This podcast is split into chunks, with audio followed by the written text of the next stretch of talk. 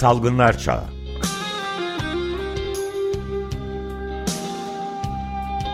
Pandemide Sağlık.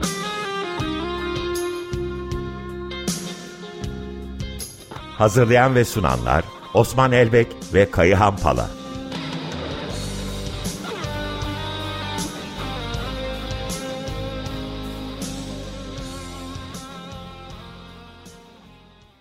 Günaydınlar Osman Erbek, Kayhan Pala. Günaydın. Günaydın. Günaydın. Merhabalar. Ben bir tek şeyle girmek istiyorum izninizle. Yani son verilen rakamlara göre 290 kişi daha hayatını kaybetmiş ve yeni vaka sayısı da 24 bin yaklaşık çok yakın. Yani bu demek oluyor ki her saat her saat 12 kişi hayatını kaybediyor. Her 5 dakikada bir kişi ve her saat bin kişi de koronaya yakalanıyor her dakika 16-17 kişi koronaya yakalanıyor. Bayağı ürkütücü rakamlar değil mi? İsterseniz öyle başlayalım. E, haklısınız Ömer Bey. E, salgın hızlandı e, ve sert bir e, vefatlarla karşımıza çıkıyor. E, geçtiğimiz haftayı Avrupa 1.1 milyon yeni vakayla geçti ki e, Türkiye, Birleşik Krallık ve Rusya'dan sonra üçüncü ülke konumundaydı. E, vefatlarda da Avrupa kıtasında toplam 12 bin e, vefat gerçekleşti. E, Türkiye ne yazık ki Rusya'dan sonra ikinci ülke konumda. E, Türkiye'nin ilginç bir epidemiolojik e, verisi oluşmaya başladı. E, geçtiğimiz haftayı bir önceki haftayla kıyasladığımız zaman vaka sayılarında dünü dışarıda tutarsak çok anlamlı bir artış olmazken vefat sayılarında bir haftada %23 oranında bir artışı gösterdi dünyada en fazla vakanın olduğu ilk 10 ülkeyi nüfus başına vefat açısından kıyaslarsak Türkiye dünyada ilk 6'da ve bugünlerde Brezilya ile benzer bir şekilde milyon nüfus başına vefat açıklıyoruz. Yani vefatlar vaka sayılarıyla kıyaslanamayacak ölçüde artmış bir noktada. Burayı biraz konuşmak istiyoruz. E, Kayana bir soruyla girmeden önce Ağustos'a dair birkaç veri söylemek isterim. Ağustos ayını tamamladık. E, test pozitifliğimiz Ağustos ayı boyunca her geçen gün artarak %7.8'e ulaştı. Dün itibariyle 7.98 sınırına ulaştık. E, Ağustos ayı boyunca her geçen gün vaka sayılarımız ortalama 21 bin düzeylerindeydi. E, vefat e, vaka sayıları stabil giderken vefat sayıları her geçen gün artarak ortalama 174 günlük vefata ulaştık ki bu salgının başından beri en fazla insan kaybettiğimiz dördüncü ay oldu. Aktif vaka konusunda ise yani iyileşmiş ve vefat etmiş, akıbeti tamamlanmış hastaları dışarıda tutarsak, e, dünü dışarıda tutarsak 500 bin sınırına ulaşmıştı aktif vaka. Bu salgının başından beri en yüksek aktif vaka sayımız. Dünkü açıklanan rakamlarla 500 bini de devirdik. Ölümler de gerçekten korkutuyor. 20-26 Ağustos e, arasında İstanbul günlük 261 ek ölüm tarifledi. E, bu Türkiye'de de ek ölümler 510 civarına yansıyor. E, Kayan ne oluyor? Çok ekstrem ölümcül bir varyant mı var? Vaka sayıları artmadan ölümler artıyor. Yoksa vaka sayılarında bir e, sansür mü uygulanıyor? Yoksa PCR e, acaba vakaları mı atlıyor?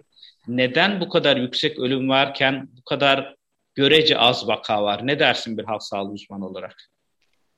Osman bu sorular gerçekten çok yerinde sorular. Ancak yanıtlarını verebilecek ölçüde veri maalesef elimizde yok. Yalnız bizi izleyenler için kısa bir anımsatma yapalım. Bu 290 ölüm bildirimi ne anlama geliyor?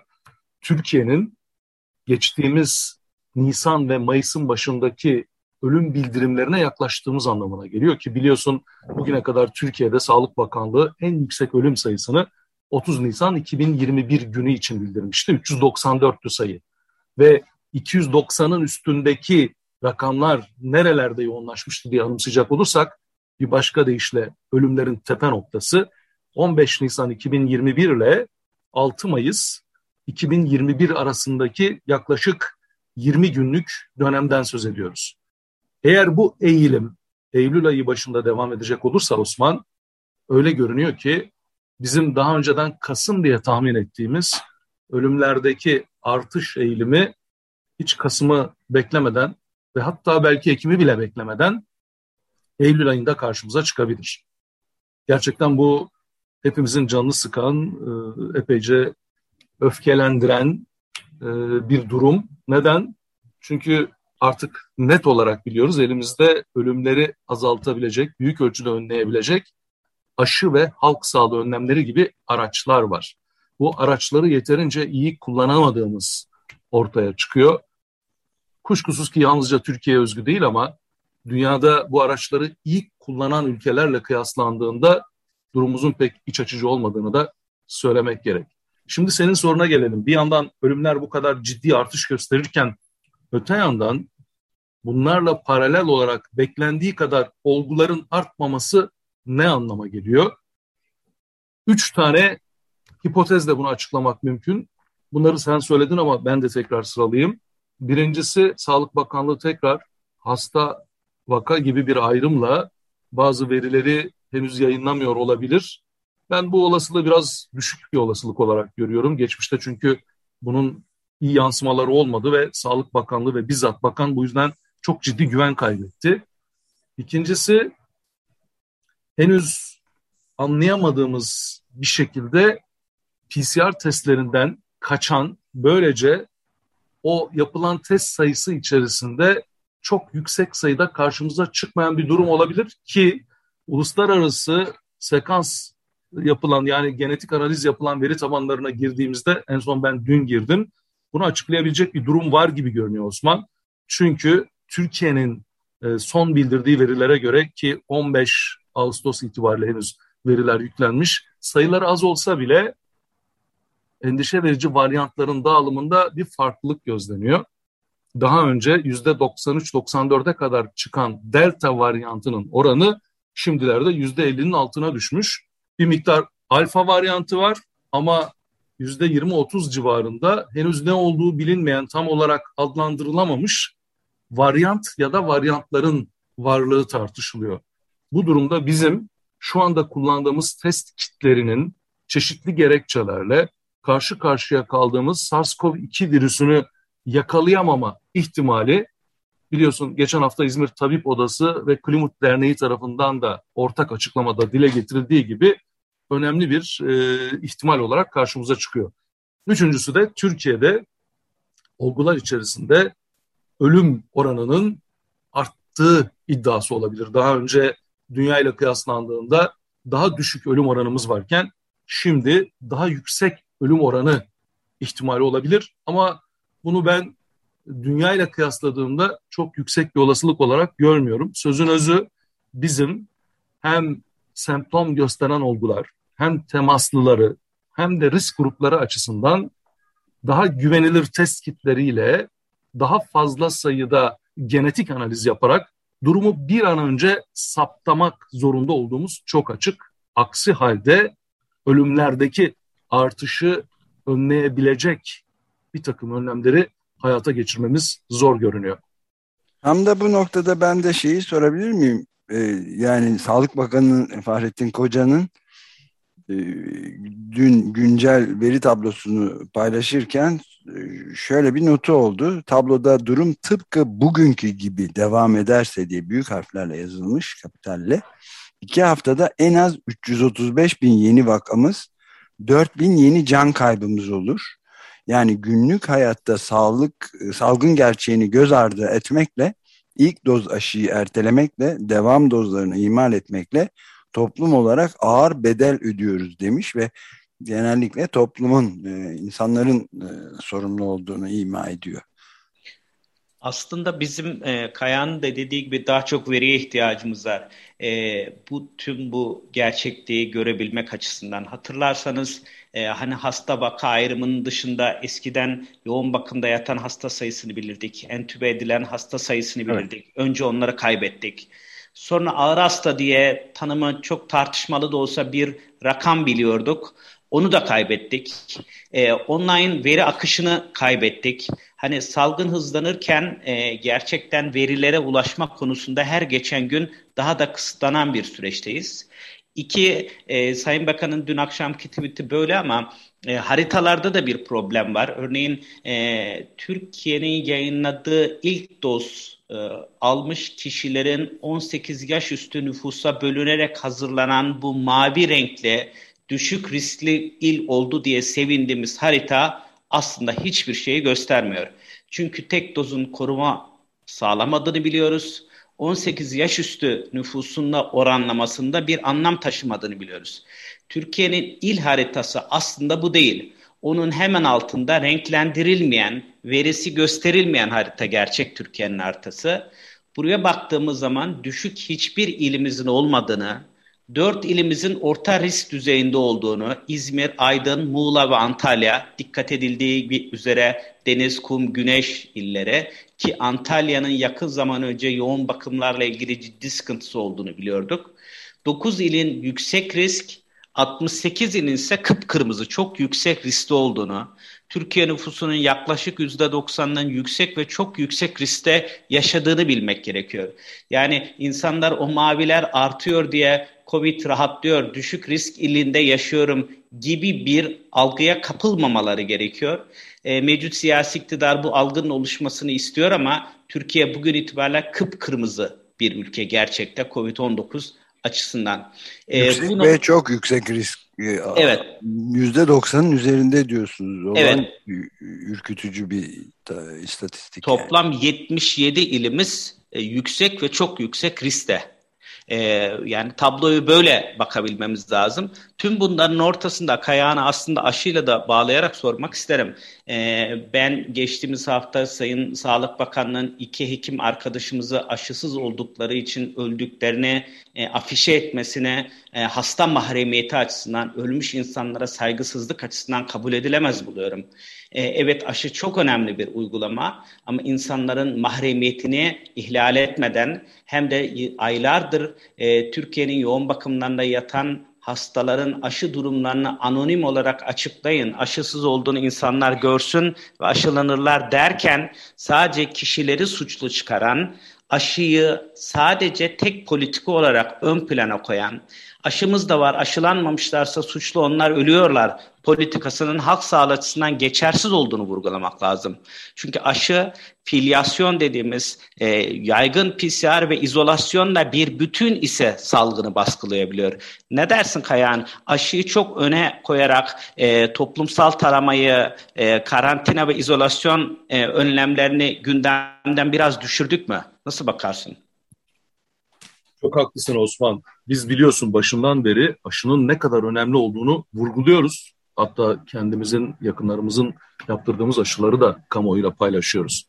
Ancak yine başından beri tek başına aşının yeterli olmayacağını, aşıyla birlikte halk sağlığı önlemlerini alabilirsek eğer o zaman bu pandeminin yükünü hem hastalanma hem de ölümler açısından en aza indirebileceğimizi vurguluyoruz. Bunu vurgularken de Türkiye'nin verilerinden yararlanamıyoruz maalesef.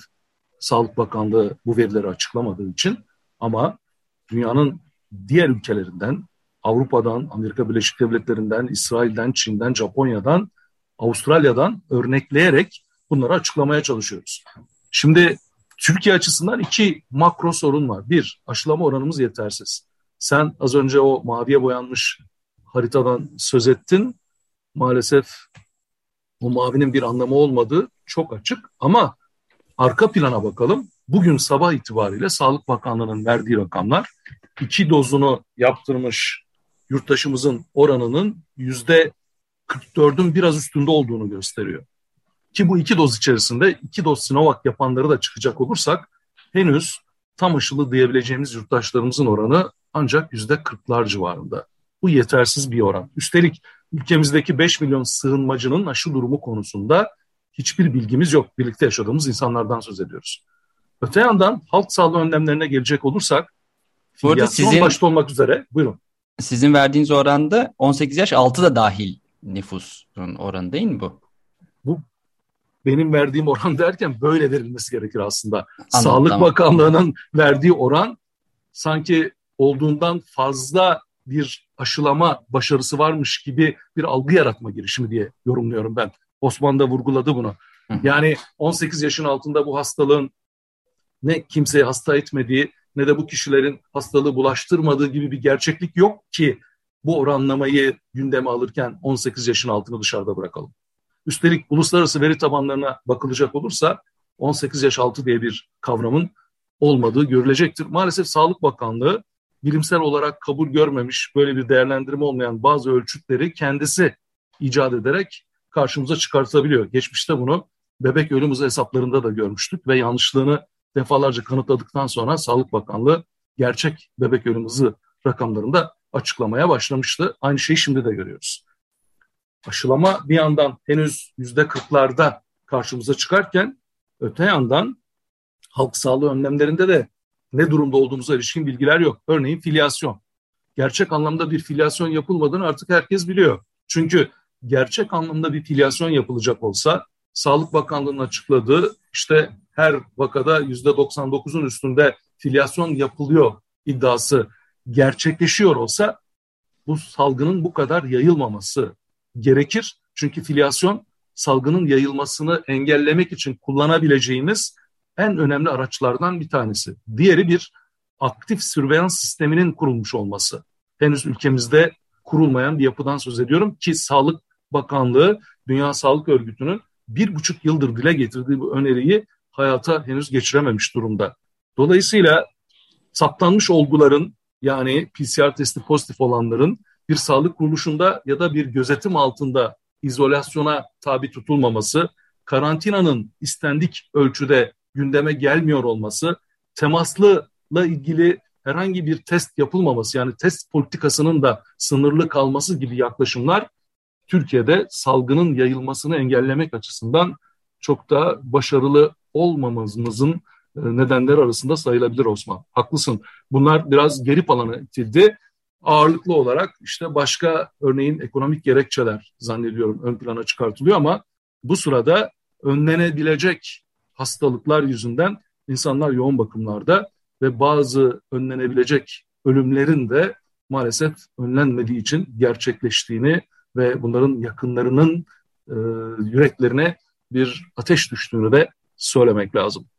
Yani okulların açılmasıyla birlikte vakaların daha da artması e, kaygısı da ayrı bir endişe konusu değil mi? E, ve tabii orada okullarda e, eğitim emekçilerinin haftada iki PCR'larının nasıl takip edileceğine, bu yükün hastaneler tarafından nasıl karşılanacağı ortada belirsiz.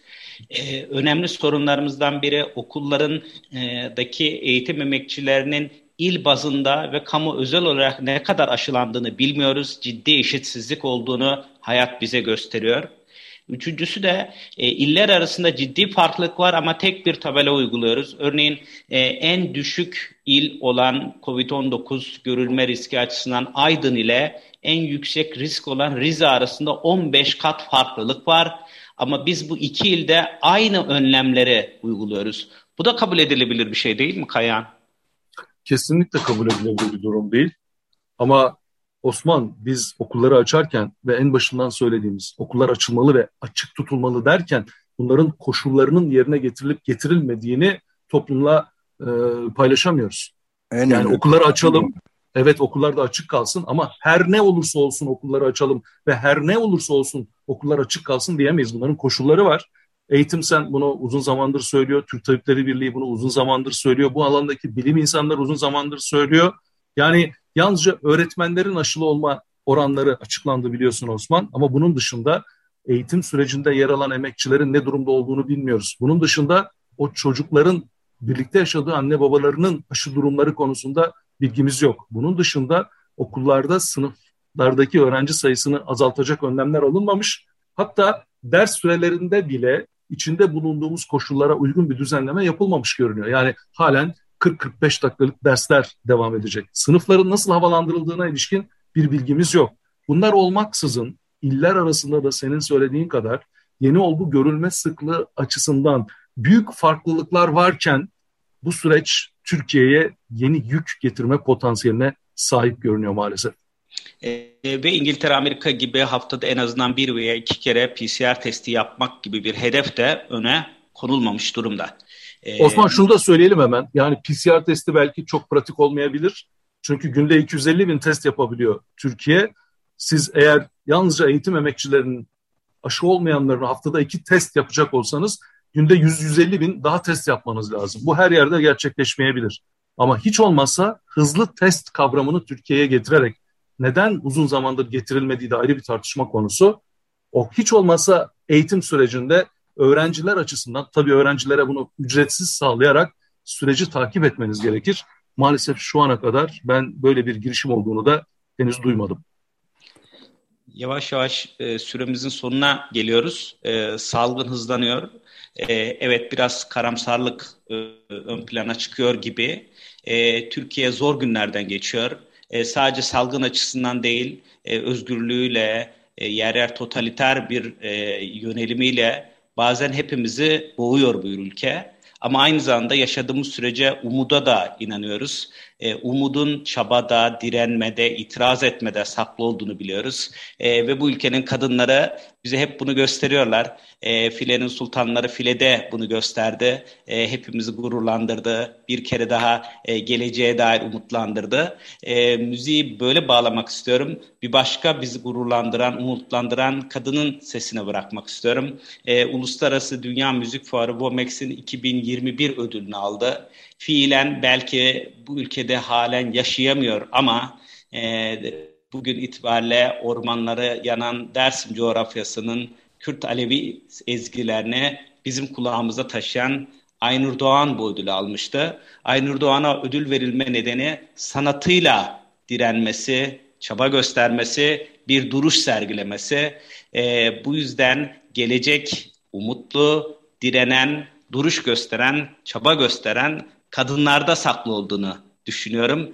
E, karamsarlık yerine umuda ve daha fazla direnmeye ihtiyacımız olduğu kanaatindeyim. Ne dersin Kayan?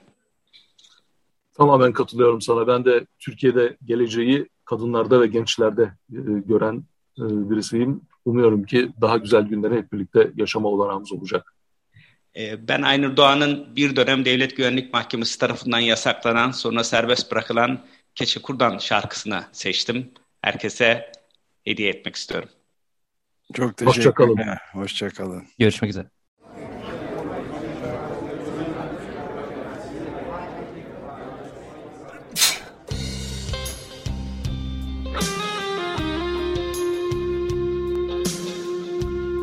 Salgınlar Çağı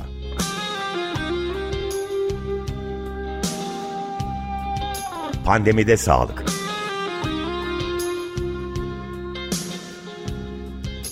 Hazırlayan ve sunanlar Osman Elbek ve Kayıhan Pala